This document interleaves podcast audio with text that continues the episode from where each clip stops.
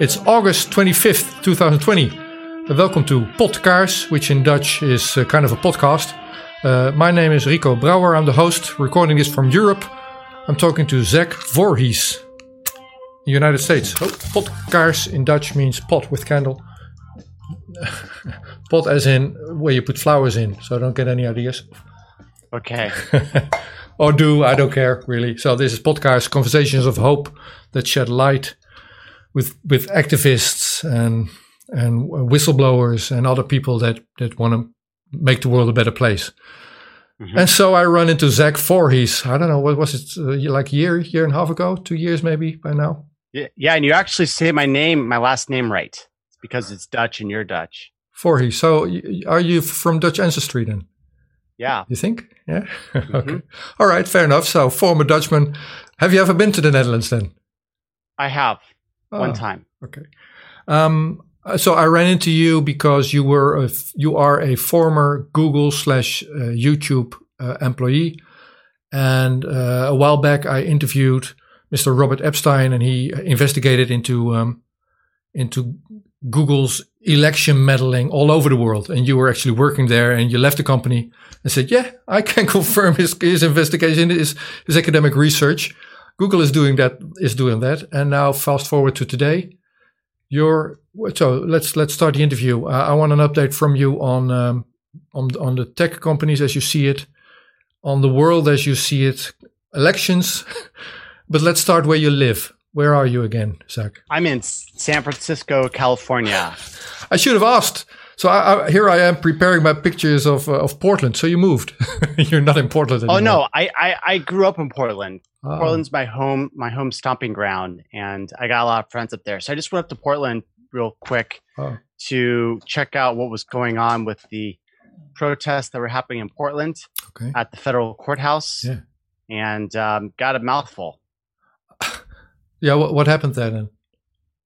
Uh, everyone got tear gas because there was a bunch of Antifa that were trying to break through the fence to throw fireworks and set the building on fire. Yeah, so that's the, in my words, and just correct me, this was a month ago. That's a federal federal court building. People are protesting, and in the other interview that I will link, which you did in in the street with a tear gas mask on, so there wasn't really an interview. Yeah. What happened after that in the past month in Portland? Um, so what happened in Portland is that it was really interesting. I I tweeted out that the being chased by the federal police was one of the most exhilarating things in my life. Just to be honest here, right? Um, it's basically a big giant Nerf war where police are warning that they're going to use tear gas and then they use the tear gas and then everyone runs like they're in the war zone. But even if you get hit, it's probably going to, at worst, make you do a trip to the hospital, but very rarely is it lethal. About a week later, after I tweeted about how exhilarating it was um, and how actually people like Andy Ngo were were blowing a lot of things out of proportion and being unfair to the situation that was really going on, and that it was way more entertaining than I had thought, especially given that there's really nothing else to do. The federal troops were pulled out of Portland. Um, I don't know if people read my stuff, but maybe I'm just like going along with the trend. But um, definitely after I tweeted how how exhilarating it was and how I could see that it was going to expand, uh, the federal police pulled the troops out of Portland, and in response, there was a few days of um, of relative calm, but then Antifa pretty much went right back to, you know, engaging with the police.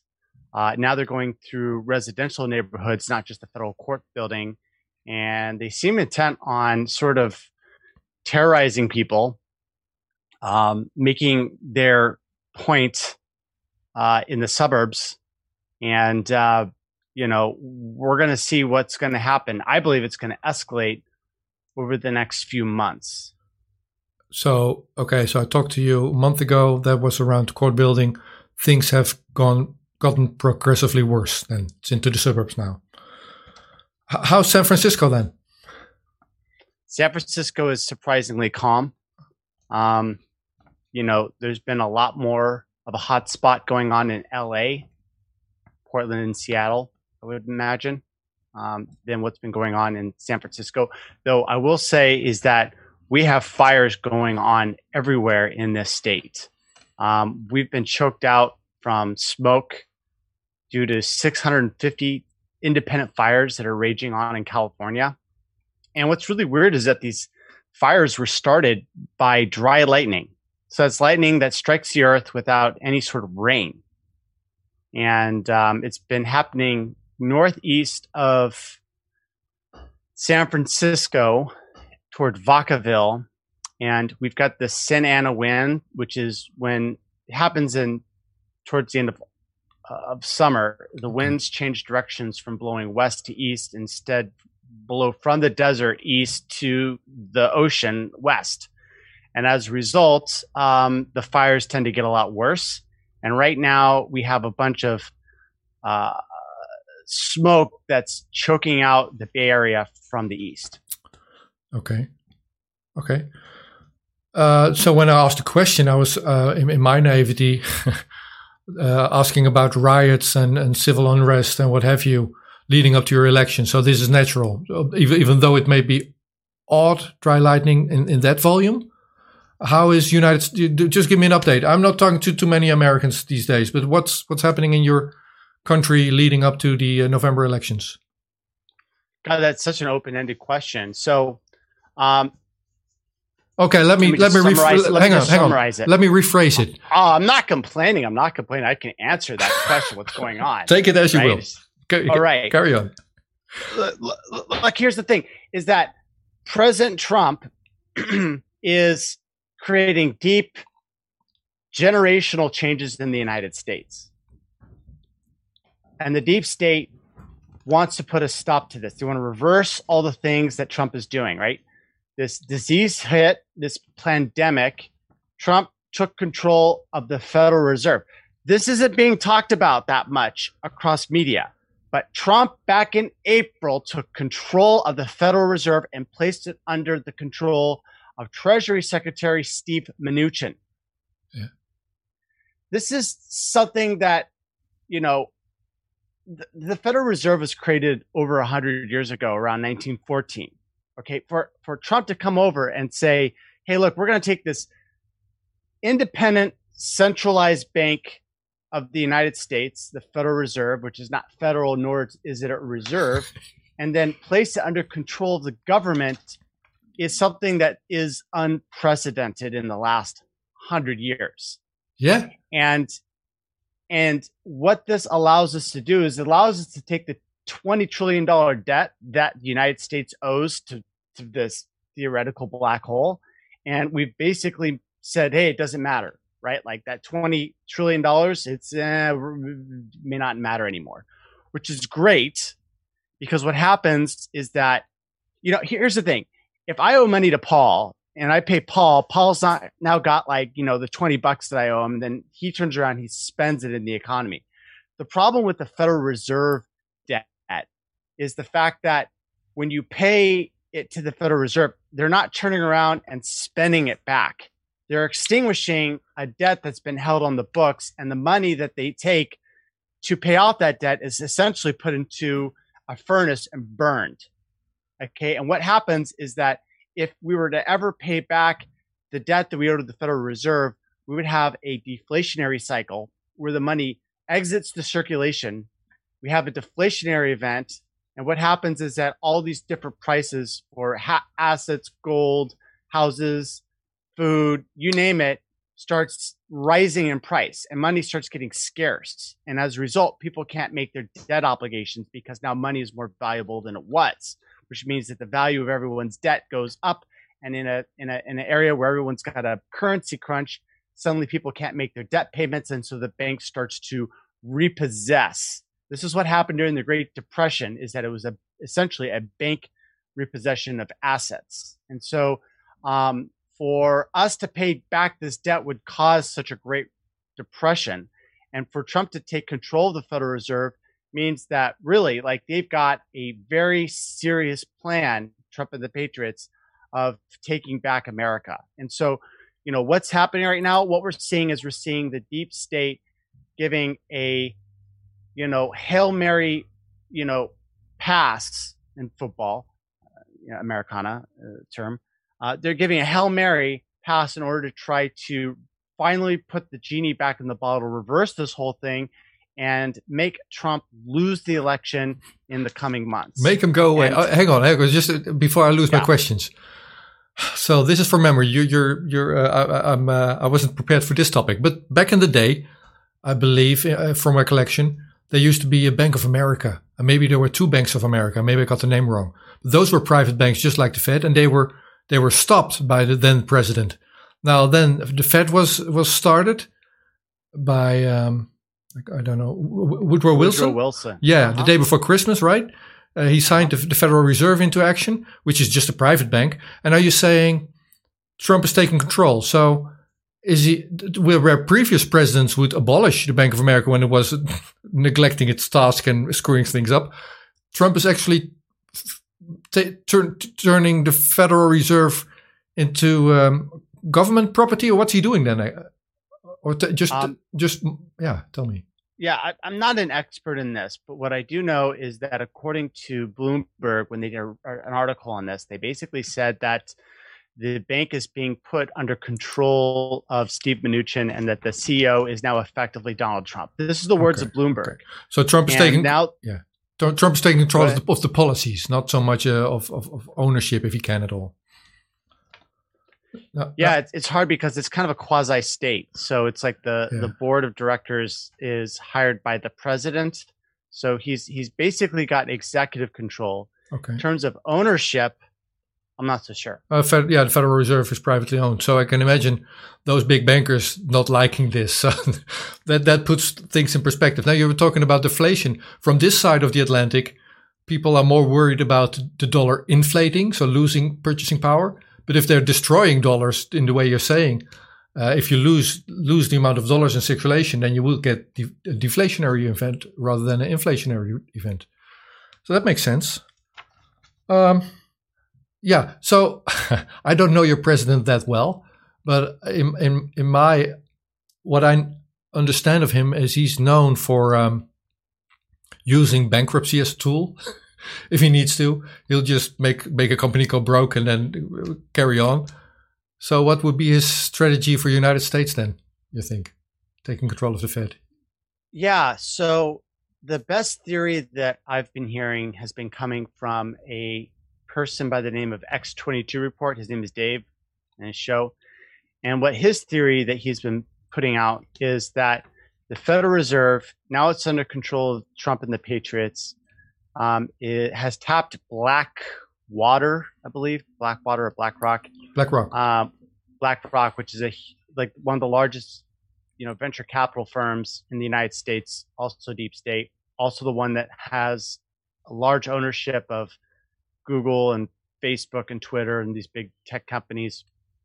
They're they're at this point, um, they've been tapped to load up the Federal Reserve with a bunch of corporate bonds. So that's like the debt that these corporations like Amazon and all this kind of stuff. They they've got corporate debt, Ford, GM, and this this debt is huge. A lot of people say that it's insolvent; it can never be paid back. And what X22 has been saying is that this debt is going to be loaded up onto the Federal Reserve.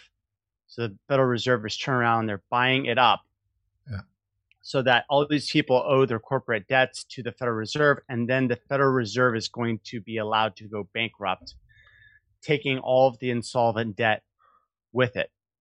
That would sound okay. That would sound like a Trump plan.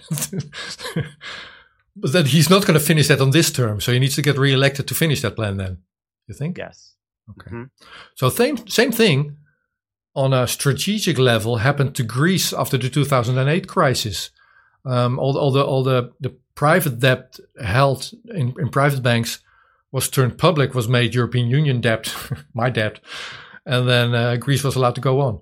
So they made good. The, the, the private owners turned it, and and pretty much the, the fear is that that's happening right now again. So European Union, my Minister of Finance has approved 750 billion rescue fund for European Union, and nobody knows what it's being spent on. and European countries are knocking on the door at Brussels and saying, "Oh, we, we would like a part of that. We have a problem here."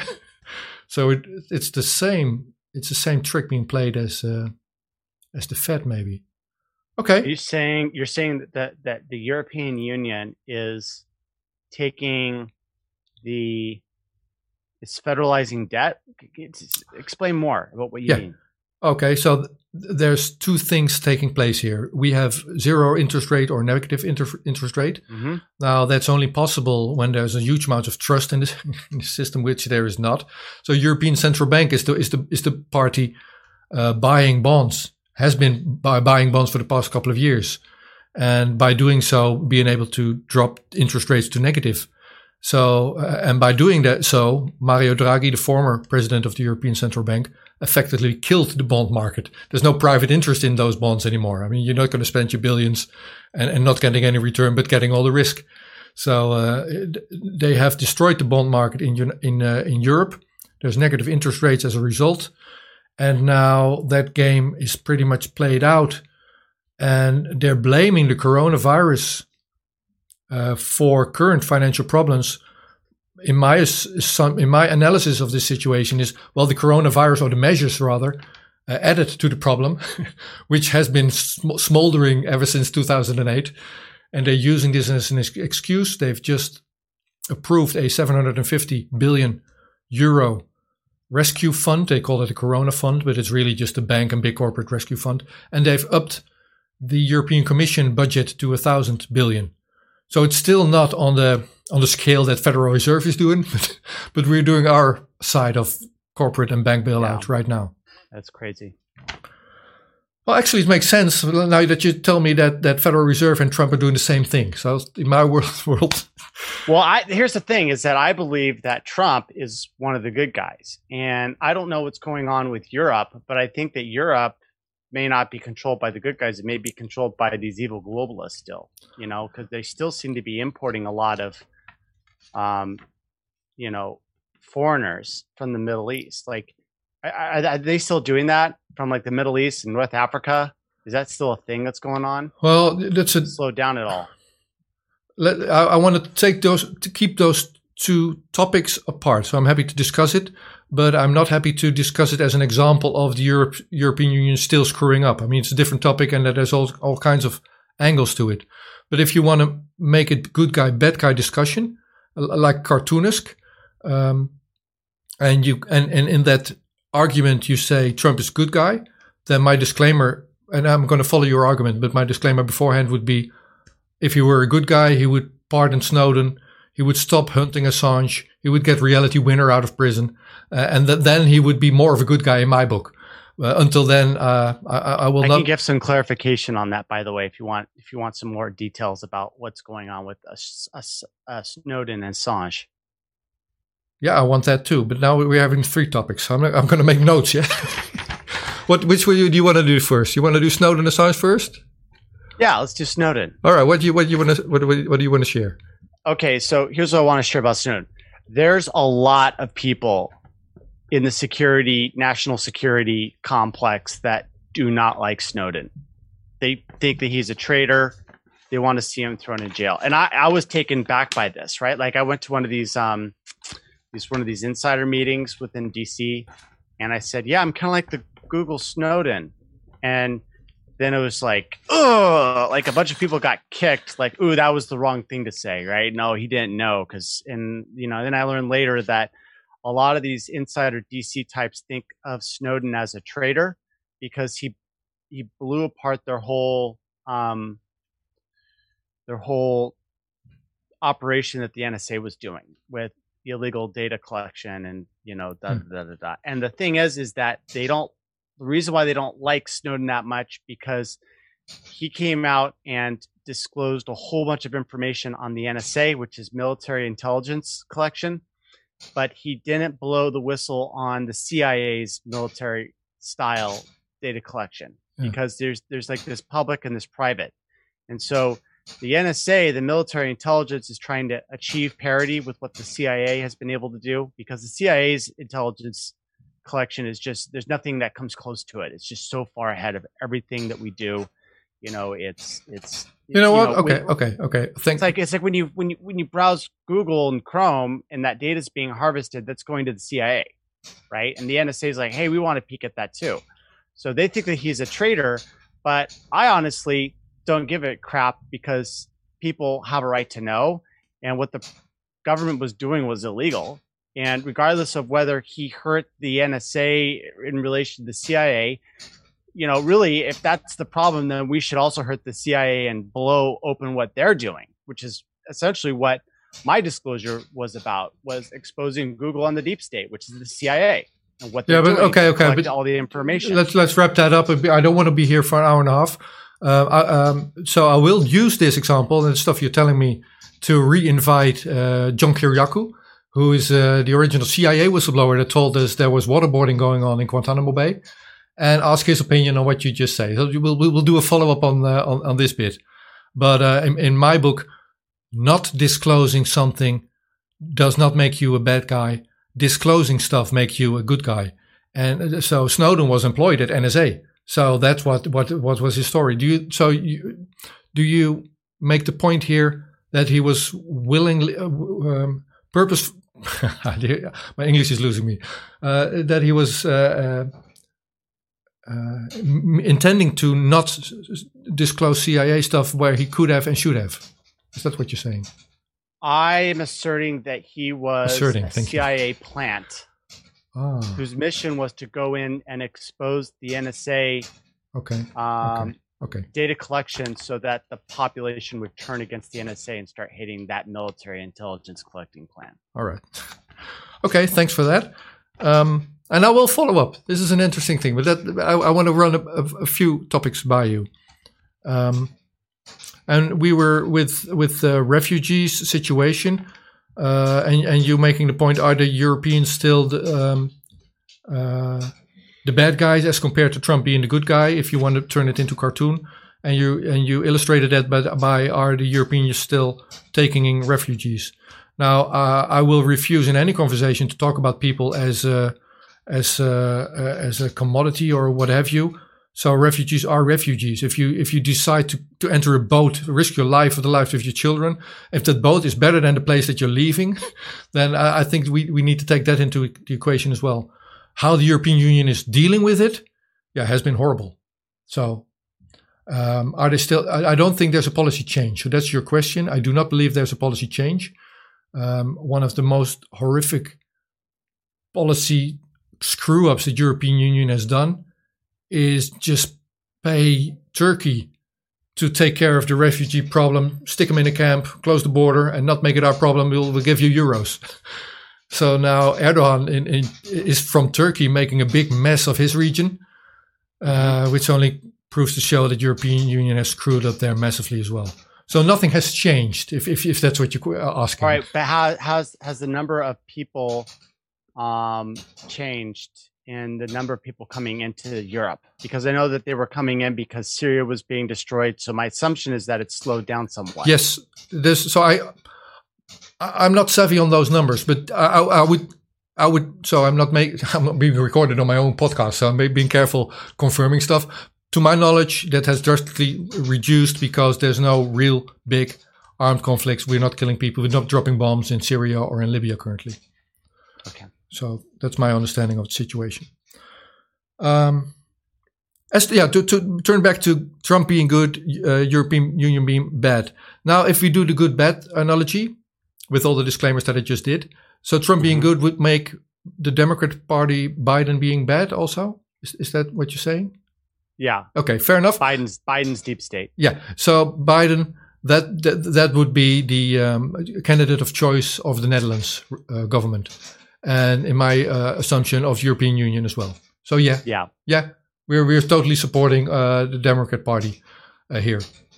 Yeah, yeah. So you're right. That's too bad, but not the people. Not, not, not, the people. People maybe I don't know 50-50 split, but mainstream media, television. We're we're supporting Biden, and we're and Trump bad, Orange Man bad. Yeah, that's the Netherlands. Do they know that he with women and little girls on C-SPAN and TV? We don't know. Uh, we we don't know anything on mainstream media. We're only covering Trump is bad. Biden is is the is the is the is the. Do you know how? Do you know how disgusting Biden has been um, for like groping girls? Yeah, well, um, I, I I'm I'm I'm pretty educated on your uh, electoral mess, so I've been following Mr. Biden as well. Um, the the real uh, if we're going to do Trump and Biden for a bit, how do you judge his cognitive abilities currently? Who Biden or Biden? Trump? I'll reflect on Uh, both, but the question is Biden. uh, he's an idiot. Is he losing his marbles? I mean, is dementia a thing? Is that being talked about? I don't know. People say that it's an act because of you know the stuff that's going to happen in the future. He definitely puts his foot in his mouth all the all the time. I'm seeing some very weird recordings of him losing the, the easiest of sentences. So is that manipulated or has he lost it there? You don't know. yeah, I, I, I mean, he- I mean, the thing is, I'm dancing around what I think may be happening. So, like in the context of like what is like what's being put out there, it se- seems like he's losing his cognitive functions. I think it might be like an act. Like, you ever see like the old videos of President George W. Bush when he was uh, in the New York or sorry, the Texas debates for governor? He's like super smart, lightning fast, speaks on his feet, and like is very well articulate. And then he gets into the White House. He's like, uh, and he like he seems really dumb. It's all an act. It was all an act. Like, um, That's senior or for- junior? Which Bush are you talking about? Ju- junior, junior. Um, and so I don't really understand what's going on with Biden. Uh, the popular thing is that he's moving, he's losing his cognitive ability, but Right. it seems really like a coincidence that he would lose it right as he's going into the presidency. And why Biden of all people?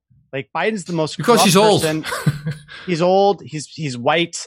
Like, you know, I'm not like I, I don't like to qualify someone on race. Like I supported Barack Obama of all people, like when in 2008.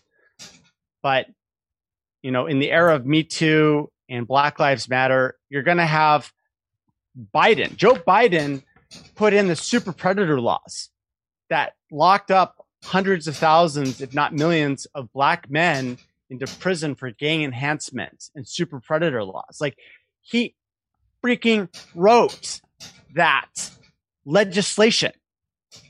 And Kamala Harris put people away as a prosecutor for San Francisco.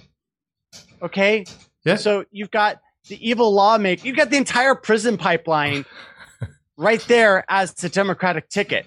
It's like unreal. It's also That's the guy that they're going to put into the presidency. Uh, uh, it's it's it blows my mind. So uh, at this point in time, uh, it's August 25th. Your elections are November 3rd, I think.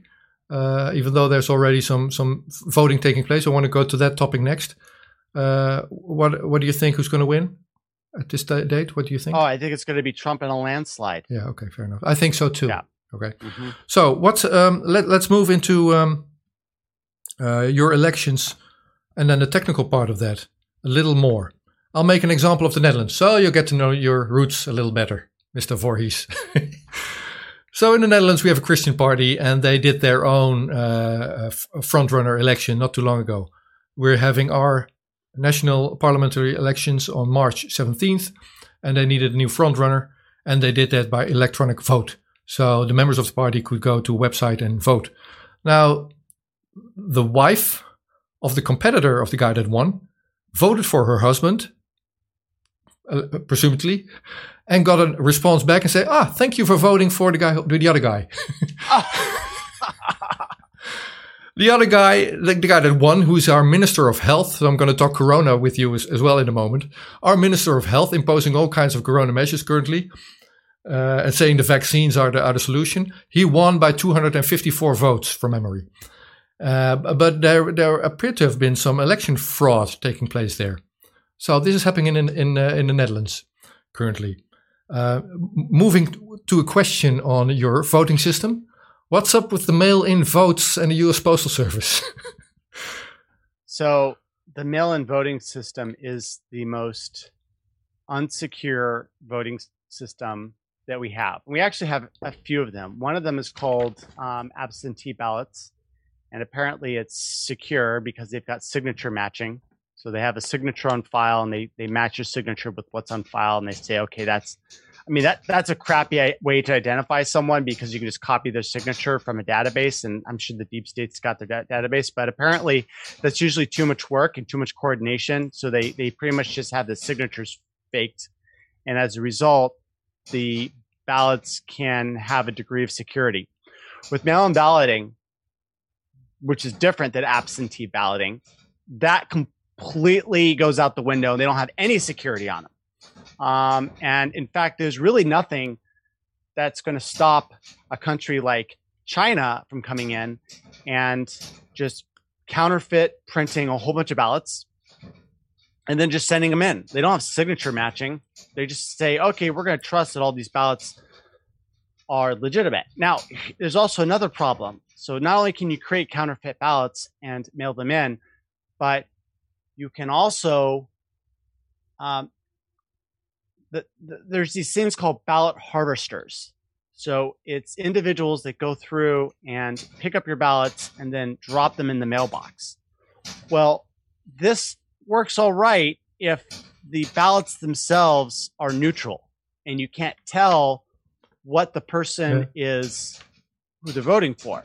But what keeps on happening over and over and over again is that there's some little indication that the person got a Democrat versus Republican ballot because the ballots are different. We don't just have one ballot. We've got a ballot for Republican, we've got a ballot for Democrat.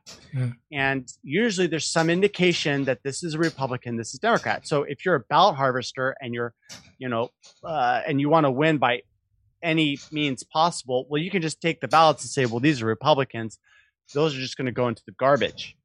And this is what happens over and over and over again is in the United States is that after the election, there'll be all these ballots that were, you know, uh, put in a church or put in a in a lockbox or something, and they never got counted, and the Republican and um, and the same is essentially gearing up in the United States to happen again, but at this time at a much much bigger scale when this coronavirus hit, the Democrats tried to tie three trillion dollars in unemployment and you know special loans, three trillion, to legislation that allowed universal mail-in balloting across all 50 states, and created a law that made it so that the if the individual state had a ballot validation system, this made it illegal. So they told the states you can't even use your own laws in order to guarantee that these ballots are valid. And so, you know, it's just like, whoa, you know, if everyone knew that this was happening, like there would be revolt in the streets. Uh, this is unconscionable. It's unthinkable. But this is the big fight that's right down. And notice that there's a key word here. It's universal mail-in ballots. This is the law in which they make it so that the state's laws can't come into effect to make sure that these ballots are safe. And they're trying to push it everywhere. And if they push it everywhere, then that's the end of your vote in the United States being counted fairly. So I didn't. There was a reason why I started this conversation by introducing you again as um, one of the YouTube Google whistleblowers, and I referenced Robert Epstein again, um, just to dig in a little, refresh people's memories a little more. You both claimed that by changing Google search research uh, results, Google search results, and by changing the up next algorithm in YouTube, companies like that can make a significant change in how people vote. Now, what you're saying now is it doesn't matter anymore how you vote. So, the, if if you say Trump's going to win by landslide, well, if if votes can be manipulated on such a massive scale, is that going to topple the election outcome? Well, that's what they're trying to do. Um, and so I I made a prediction a while back, which said that the deep state Dems are going to try to win the election by cheating if possible. And if they can't win the election, then their strategy is going to move from winning to canceling the election. And so, um, with all these mail in ballots, what we see in the past is that the Democrats will continually create new ballots and then claim that they're finding more ballots over and over and over again until their person wins by, you know, a slim, slim majority. Then they stop the count. And so um, my prediction is that essentially what we're going to have is we're going to have a election system that is um, in chaos. You know, on November fourth, a day after the election, and um, they're going to try to uh, prevent a candidate from being announced um, as long as they can. And if they can run out the clock to January twentieth, then the Speaker of the House becomes president. Ah, if you don't, that was not going to be my follow up question. If you don't elect a new one, the Speaker of the House is going to win. yeah, which is right now Nancy Pelosi. Yeah, yeah, yeah. Okay, so that that's that sounds like a backup plan for them. God, the mess you're in. Um, okay, so I wanted to move into Google and YouTube a little further. In the Netherlands, um, no, let's let's refresh everybody's memory. You were my guest with with um, Robert Epstein on a different channel. So you're talking to podcasts Now, Conversations of Hope, It Shed Light, nice with a color backdrop and everything. But back then, you were talking to me for another channel called Café Weltschmerz, which is also a Dutch uh, yeah, online television station. And uh, they have been doing interviews uh, on the corona crisis. Now, before I move into that, Zach, you know, you're very savvy on Google's user policies and, and the big tech user policy. So I would ask you humbly to whatever you respond to me, do it in a way that doesn't get me banned. So other than that, just speak freely. But I'd like this video to be online, to remain online. So this is what happened recently. Am I that edgy, by the way? Huh? Am I that edgy, by the way? No, the user policies of Google have changed. They're edgy. Oh, that okay. so this is what happened. So Café Weltschmerz, where I, I, recorded my interview with you back in the day, it's still online, no problems there. They've also been talking to a doctor here uh, in the Netherlands who's been mm-hmm. prescribing hydroxychloroquine with zinc in, in, a cocktail to people who have just contracted the coronavirus disease. And he says, I've, I've gotten some good results. I like this. I, I want to continue testing. So um, he went public with that. And that therapy was then uh, forbidden in the Netherlands. He was not allowed to do it anymore. So he gave an interview on his his endeavor to to be able to do this for Café Weltschmerz, and he made the point that he says, "Well, I, I believe in this therapy. Now that video is against the World Health Organization policies, and Google in its user pol- in its user uh, policies has said, well, if you're opposing World Health Organization opinion, then we're blocking you from YouTube. And yes, his interview was blocked, just like some other interviews that Café Weltschmerz did on topic. They're in front of a judge in a, in a fast procedure tomorrow, where this online channel with the interviewer and with that doctor is uh, suing uh, Google, YouTube. So that's kind of new for the Netherlands. so, having heard this maybe for the first time, uh, are you aware of other lawsuits against YouTube, Google that took place in the past on, on this topic? And what what do you feel will, will happen in the Netherlands?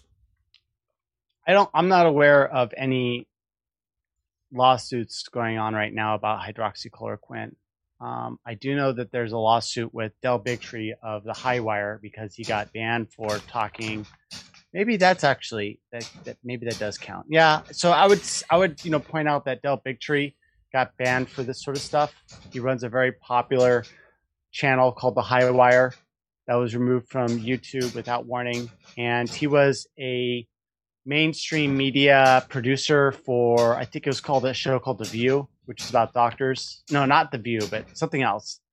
It was like on one of the big broadcast channels, and then he left to create the High Wire. So went from mainstream to, you know, talking about vaccines and um, and also talking about hydroxychloroquine. And he was removed because he violated YouTube's policy supposedly.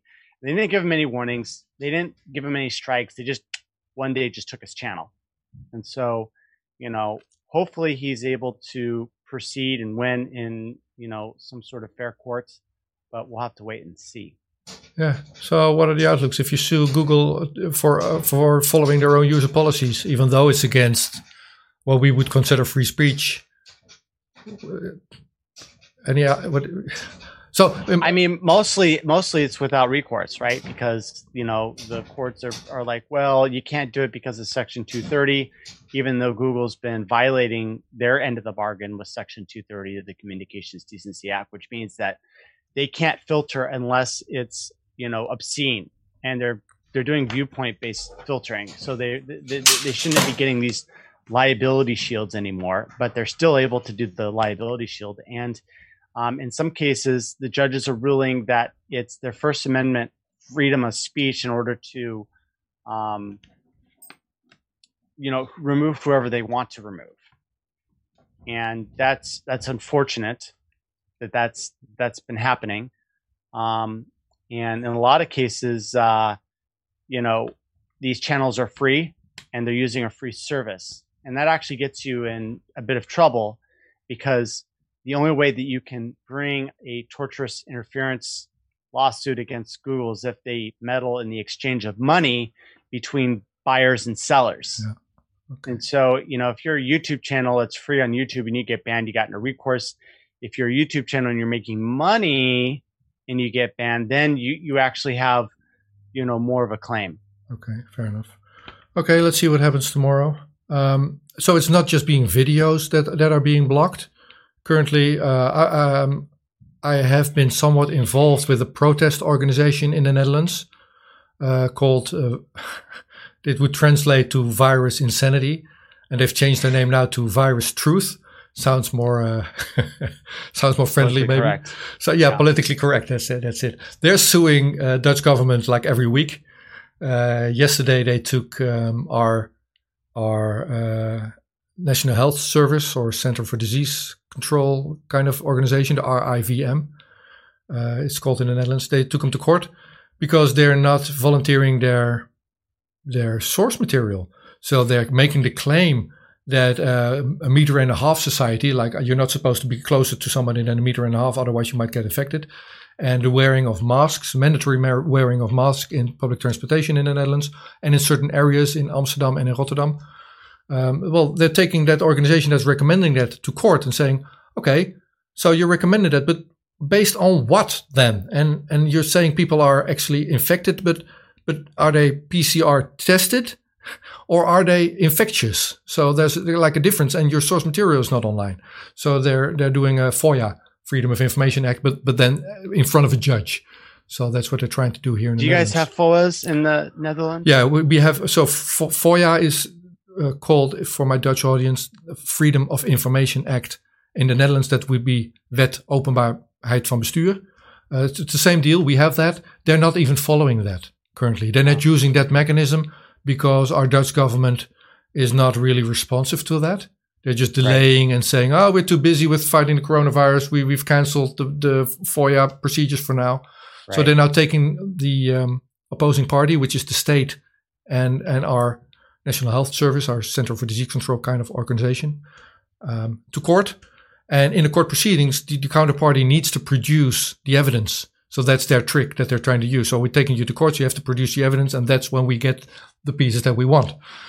And what they want to figure out is if that evidence is there at all or not, or that it's just all hollow. So there was a lawsuit um, that was uh, yesterday. Last week, they took the um, municipality of Amsterdam to court because they have mandatory face masks there. And they say, well, um, there's not really a ground for, for, mandatory dress code. I mean, that's that's a change of our constitution where you're you, you have freedom to movement, freedom of whatever you want to dress. So you can't really impose mouth masks there. The way you're doing it, you have to change the law. You didn't change the law, so let's. So they lost that case last week. So now it's uh, it's this one. Uh, are there mandatory face mask re- regulations in the United States currently? Oh yeah, let me tell you about that. Living in San Francisco, yeah. we have face masks everywhere. No one will do business with you unless you have a face mask. Every, almost every single person now walking the streets of San Francisco, in the Mission District where I am, um, pretty much has a face mask. outdoors. And will they Outdoors. look evil at you, like you're a bad guy if you if you're not wearing one? Yeah, people are scared about getting sick, especially since you know San Francisco is so dense. So you know, if you don't wear a mask and you walk outside, then people give you strange looks. Dense as in densely populated, or dense as in the mental state? Well, thanks. but but I mean in the population sense. Okay, thanks. Uh, and other parts of the United States, then. So that's San Francisco where you are. I heard in other parts of the United States that it's not quite like that. That they're not taking it as seriously. So you know that's good. Um, I wish that was more like San Francisco, but whatever. It is what it is. Yeah. Are you aware of what's happening in Australia and New Zealand currently? Yeah, they're going through some bad times right now, and um, they're saying that you have to wear masks inside their your house, um, and you can only go out for one hour of exercise per day. So my um, t- twice removed cousin, I think is what it's called in English, uh, lives there. Uh, I talked to her not too long ago. She's actually she's afraid. I know I know her as a strong woman, a businesswoman, and now she's just afraid losing her job. She's now a teacher. Saying, I don't know. Can can we? I, I hope this interview is not being found in, in Australia because I don't want to lose my job, and I'm afraid. And, and the the army is actually going is allowed to go in your house to see if you are following the quarantine regulations, right? Also, now in New Zealand, though I just read that before talking to you, there's they will they will force you into quarantine facilities even. I don't know where we're going with with this thing. Um, where do you think we're going with this thing? Is it going to be over after your presidential elections? Is it tied into that? I don't think it's going to be over. I think that um, we're going to be headed towards some sort of cold war with China, and there's a great de-infiltration going on right now, and China's getting scared, so they're trying to lock everyone down in the territories that they control. You know, so Australia, New Zealand is a great deep state hideout, and uh, they're so heavily infiltrated by China that they're trying to hold on to them for strategic purposes because it's going to become a lot more relevant once the containment of China from the South China Sea starts ramping up, which is going to happen, right? Like it's going to be South China Sea, uh, Taiwan, and um, Pakistan, India, which are going to become the hotspots for China. And so they're trying to shore up their defenses for that. And, um, you know, I, I believe that this whole COVID 19 play is far from over. And if Trump wins, they're going to try to keep it, keep their options open to do something else uh, and to continue to do plots that they need to play in order to, you know, try to maintain their um, their global position. And I, by that by they I mean China. So, are you mentioning China also because I brought up Australia and New Zealand, them being No, I, this is this is this is China, right? Like, so these globalists they they choose a country to be the reserve currency country. Yeah. So the United States was the reserve currency over the last hundred years. That's coming to an end. Um, it, it's it's only a limited time that a country can be reserve currency status before the whole system comes down. So you know, before it was Spain, then it was like, you know, Britain, and then it was the United States, and then after the United States, it's going to be China. And so China is the next reserve currency. And so in order for that to happen, the United States has to implode.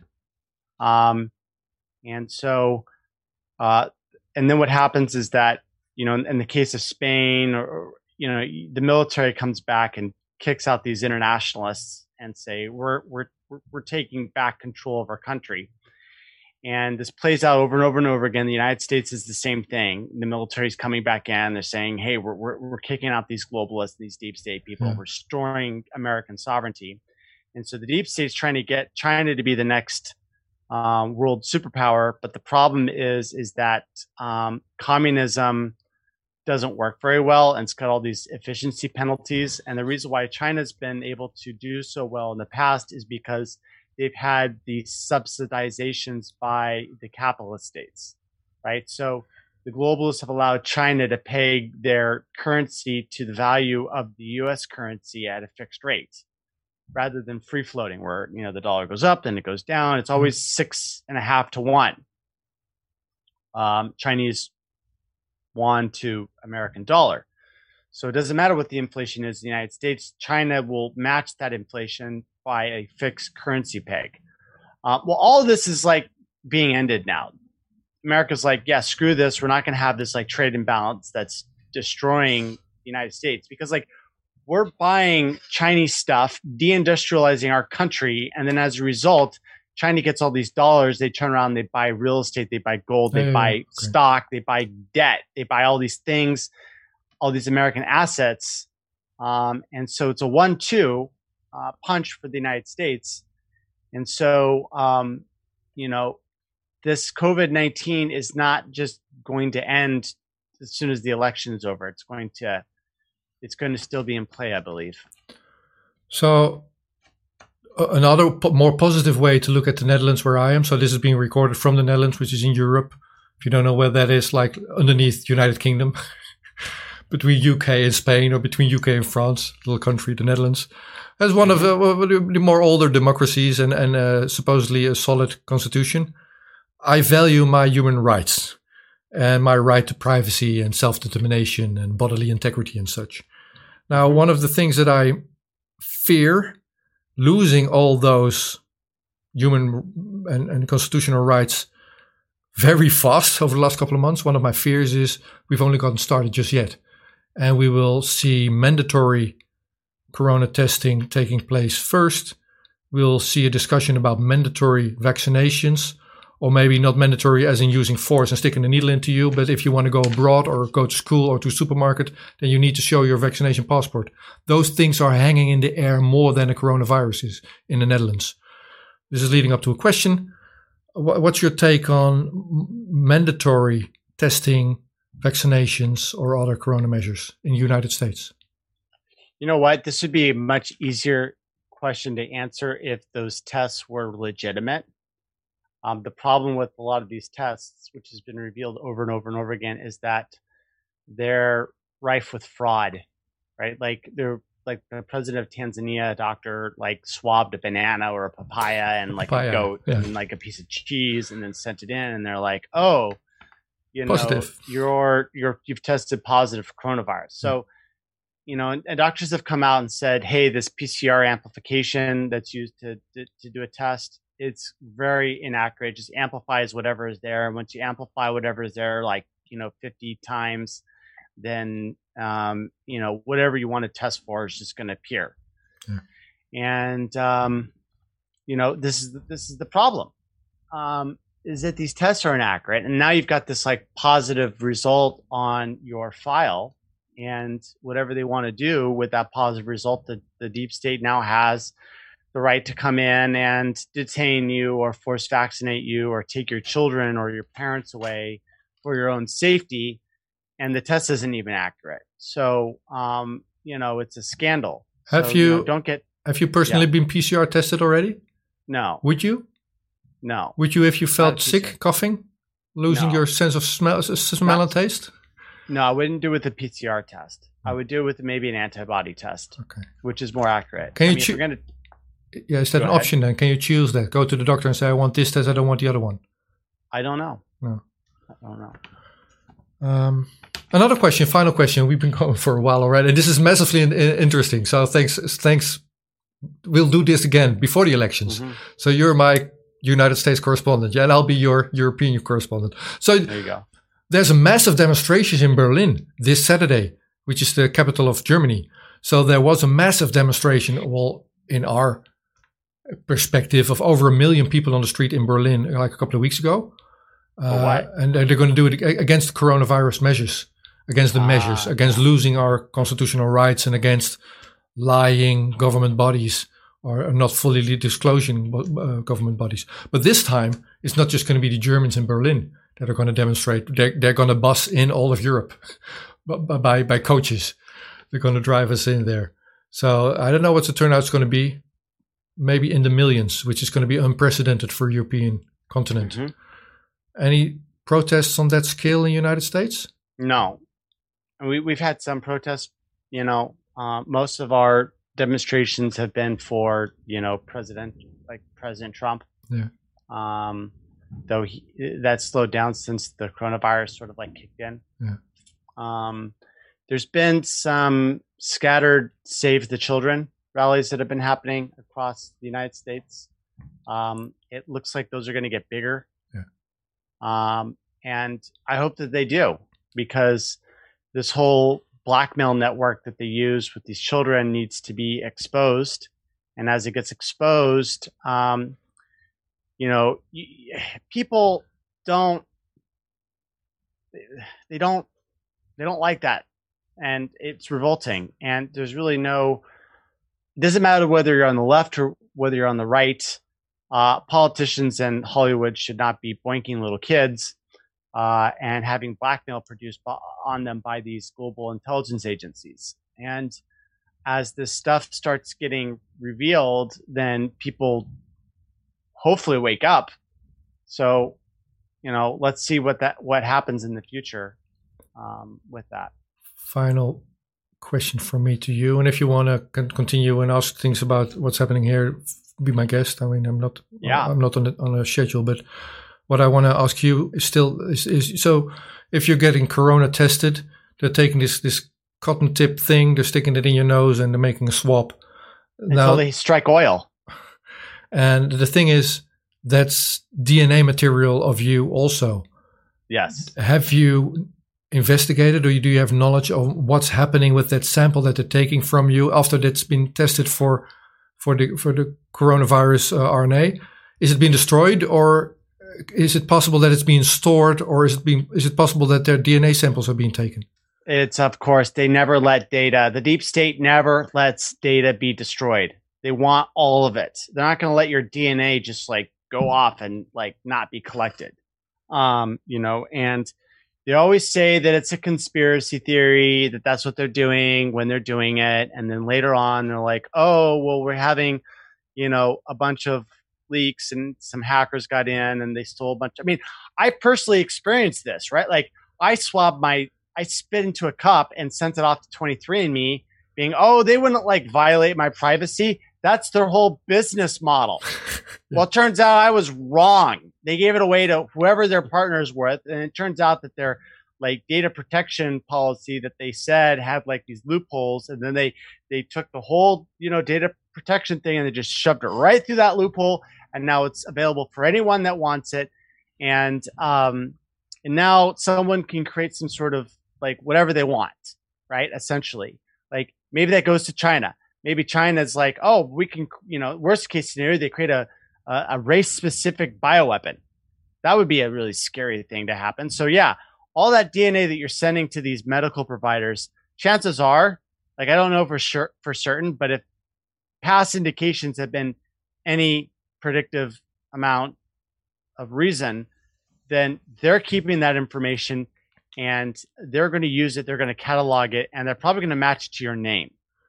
And not, yeah, exactly. And if yeah, and if I, I have your DNA, I also have your parents' DNA and your grandparents' DNA and your children's DNA.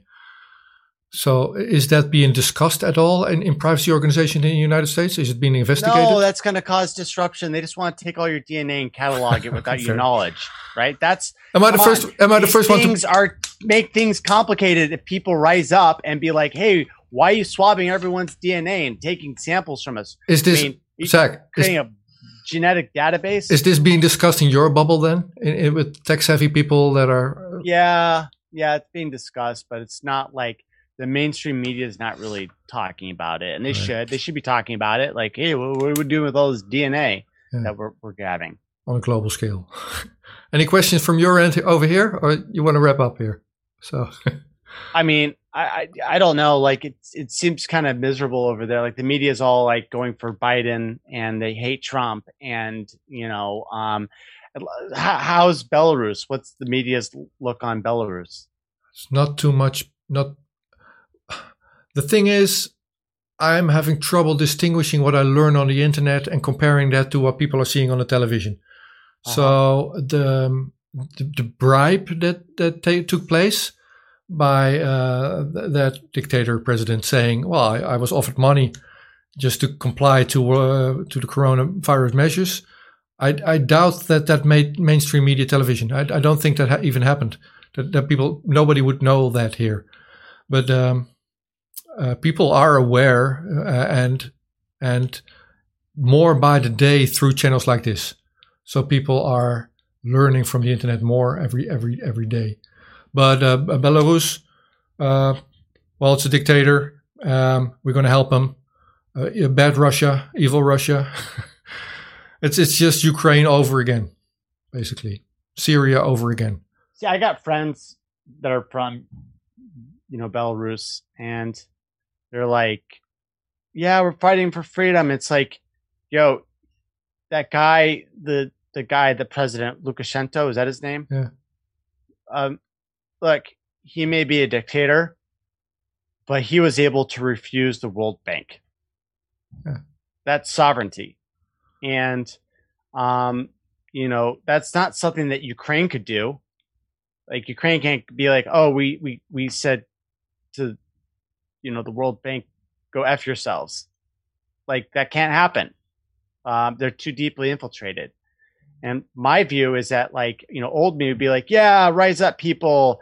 But no, now, you know, 40 year old Zach would be like, yeah, you, you get rid of Lukashenko and now you're going to have some sort of EU puppet, which is going to open up the borders, flood the country with migrants, destroy your economic system, like, uh, destroy all your natural domestic industry and move it to the EU. And that's what's happened with all these other countries that have joined. Um, the EU comes in and wrecks their shit. And I expect that the same thing would happen in Belarus. Now, obviously, they've so you're, you're portraying you're portraying your European Union as being in the driver's seat. So, as seen from the European Union, I would I would look at our European Union as being a straw man to I don't know the bankers in the United Kingdom or or your country. So, but you, seen from your perspective, we were in the driver's seat then. I mean, they're not in the driver's seat now with Belarus, but they want to be in the driver's seat. And whether they're the driver, whether that they're the actual driver, whether it's the UK bankers are the actual driver, now that's a different hmm, topic. okay. But you know, who, the the person that's doing it, they're the hands of the operation is the EU. So yeah. functionally, fair enough. You know, do yeah. you would you rather have the EU in control of Belarus, or would you rather have the um, Russian oligarchs in control of Belarus. And I really don't know what's what's a better situation. Like, how is Ukraine doing versus how is you know Belarus? Wh- which which place would you rather live in? Well, for me, the equation has been made easier over the last couple of years, and I'll I'll, I'll answer directly, but I'll, I'll divert a little bit here. I was listening to a podcast of Aaron Mate uh, today, and he interviewed an expert on Syria. And he said these are the economic sanctions currently being imposed by the United States on Syria. And one of those sanctions is you're cutting them off of SWIFT. SWIFT is the uh, intercountry, yeah. inter uh, big company banking system. So if you want to pay something from one country to another one, it goes through Belgium through SWIFT, which is sitting there. And the United States has weaponized SWIFT. So if they don't like you, they they're canceling your international bank account basically as a country. So they're cutting off Syria from SWIFT and they're blocking main roads between Syria and Iran to block oil transports there, even today. I mean, United States has lost the war in Syria. So grow up, live with it. Your regime change has failed. Uh, but still they're, they're hurting, they're damaging the, the, the, the population there. And, um, um, same thing has happened in, in Ukraine. Same thing is happening now in Belarus. Same thing that they're trying to do in Venezuela, which is still not over. I mean, we're still aiming for regime change there, and U- uh, European Union is on board there as well. And um, and uh, it, it's a yeah, well, it's a mess. what can I say? I'm losing my audio here, though. Can you can you? Yeah, you're fine. Uh, yeah, I'm sounding fine. My, anyway, so. Um, um, it's a big power power struggle. European Union is in on that. Um, and but you mentioned refugees again. I think that's that's that's um, apart from human suffering. uh, which is a big issue. I think the the bigger issue than the, the flow of people is uh, the flow of uh, who owns debt and who owns money. And and you saw that example in Belarus, who's been blackmailed. Now that makes me wonder. Every country in the world is complying to World Health Organization policies. Ah, interesting. World Bank, World Health Organization policies. Belarus is the first one that says, "Oh, we've been blackmailed." So, is my country being blackmailed? You know, of course it is. Yeah. Mm-hmm. And which country is not? and by whom are we? Those would be the big questions. And every parliamentarian ought to ask these questions. And I'm doing interviews with politicians, and I'm looking at new political parties trying to make uh, make make make a, make a nobody. There's nothing here, and we're having our elections on uh, March 17th. There's no alternative, and you have the option to choose between Biden and Trump. Have you voted already? By mail? No. Dare you by mail? No. You you'll just go to the ballot box then. Uh-huh. I will. Yeah, because I want to make sure that my vote you know doesn't count in person because I am in California. Like my vote doesn't count. We, are in the electoral college. Oh yeah, um, you'll lose you anyway. yeah, the whole thing is. I mean, all the states are in charge of their own elections. So you know, do I trust California to run a fair election? No, it's it's going to be dirty.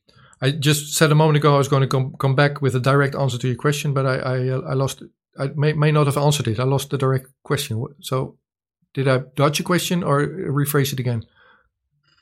Um, about what? Uh, I, am not sure if I answered it. I said I'm going to ask answer directly, but I'm going to make an example of what's happening in Syria, and then I lost your original question. Maybe it was. Uh, oh well. Maybe. Oh, oh well. Anyways, no, I think the virus is not over, and if it's going to be COVID nineteen or it's going to be a variation on that of that COVID twenty that's going to scare us next and going to make us quarantine. Um, I believe that's tied into monetary policies as well. So we're going to get our reset. Oh, just in the news now also, uh, Bitcoin is being blocked even more in European Union. It's being listed uh, uh, among the th- stuff that you're not about allowed to talk about.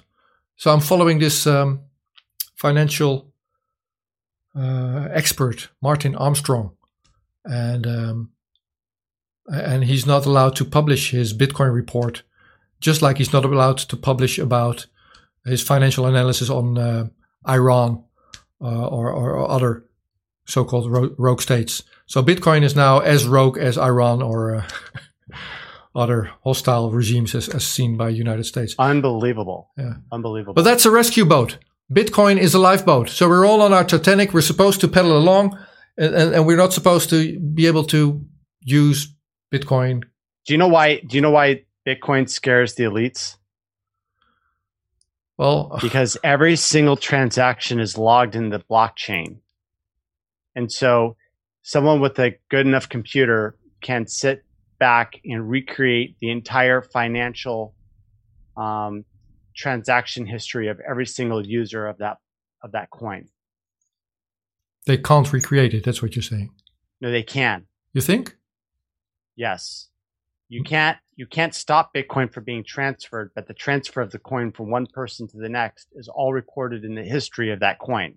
Yeah, sure. And so you can go through and recreate the entire ownership Fair enough. Okay. Every single coin, okay. you can track yeah. what everyone's doing. So it's transparent, and they don't like transparency. That's what you're saying.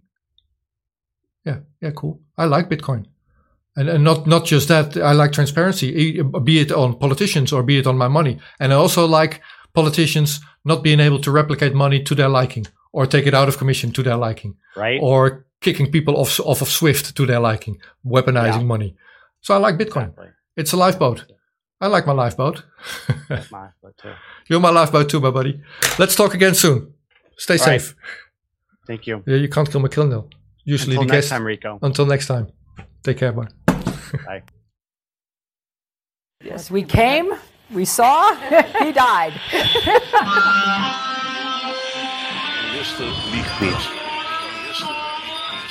Every nation in every region now has a decision to make. Decision to make. Decision to make.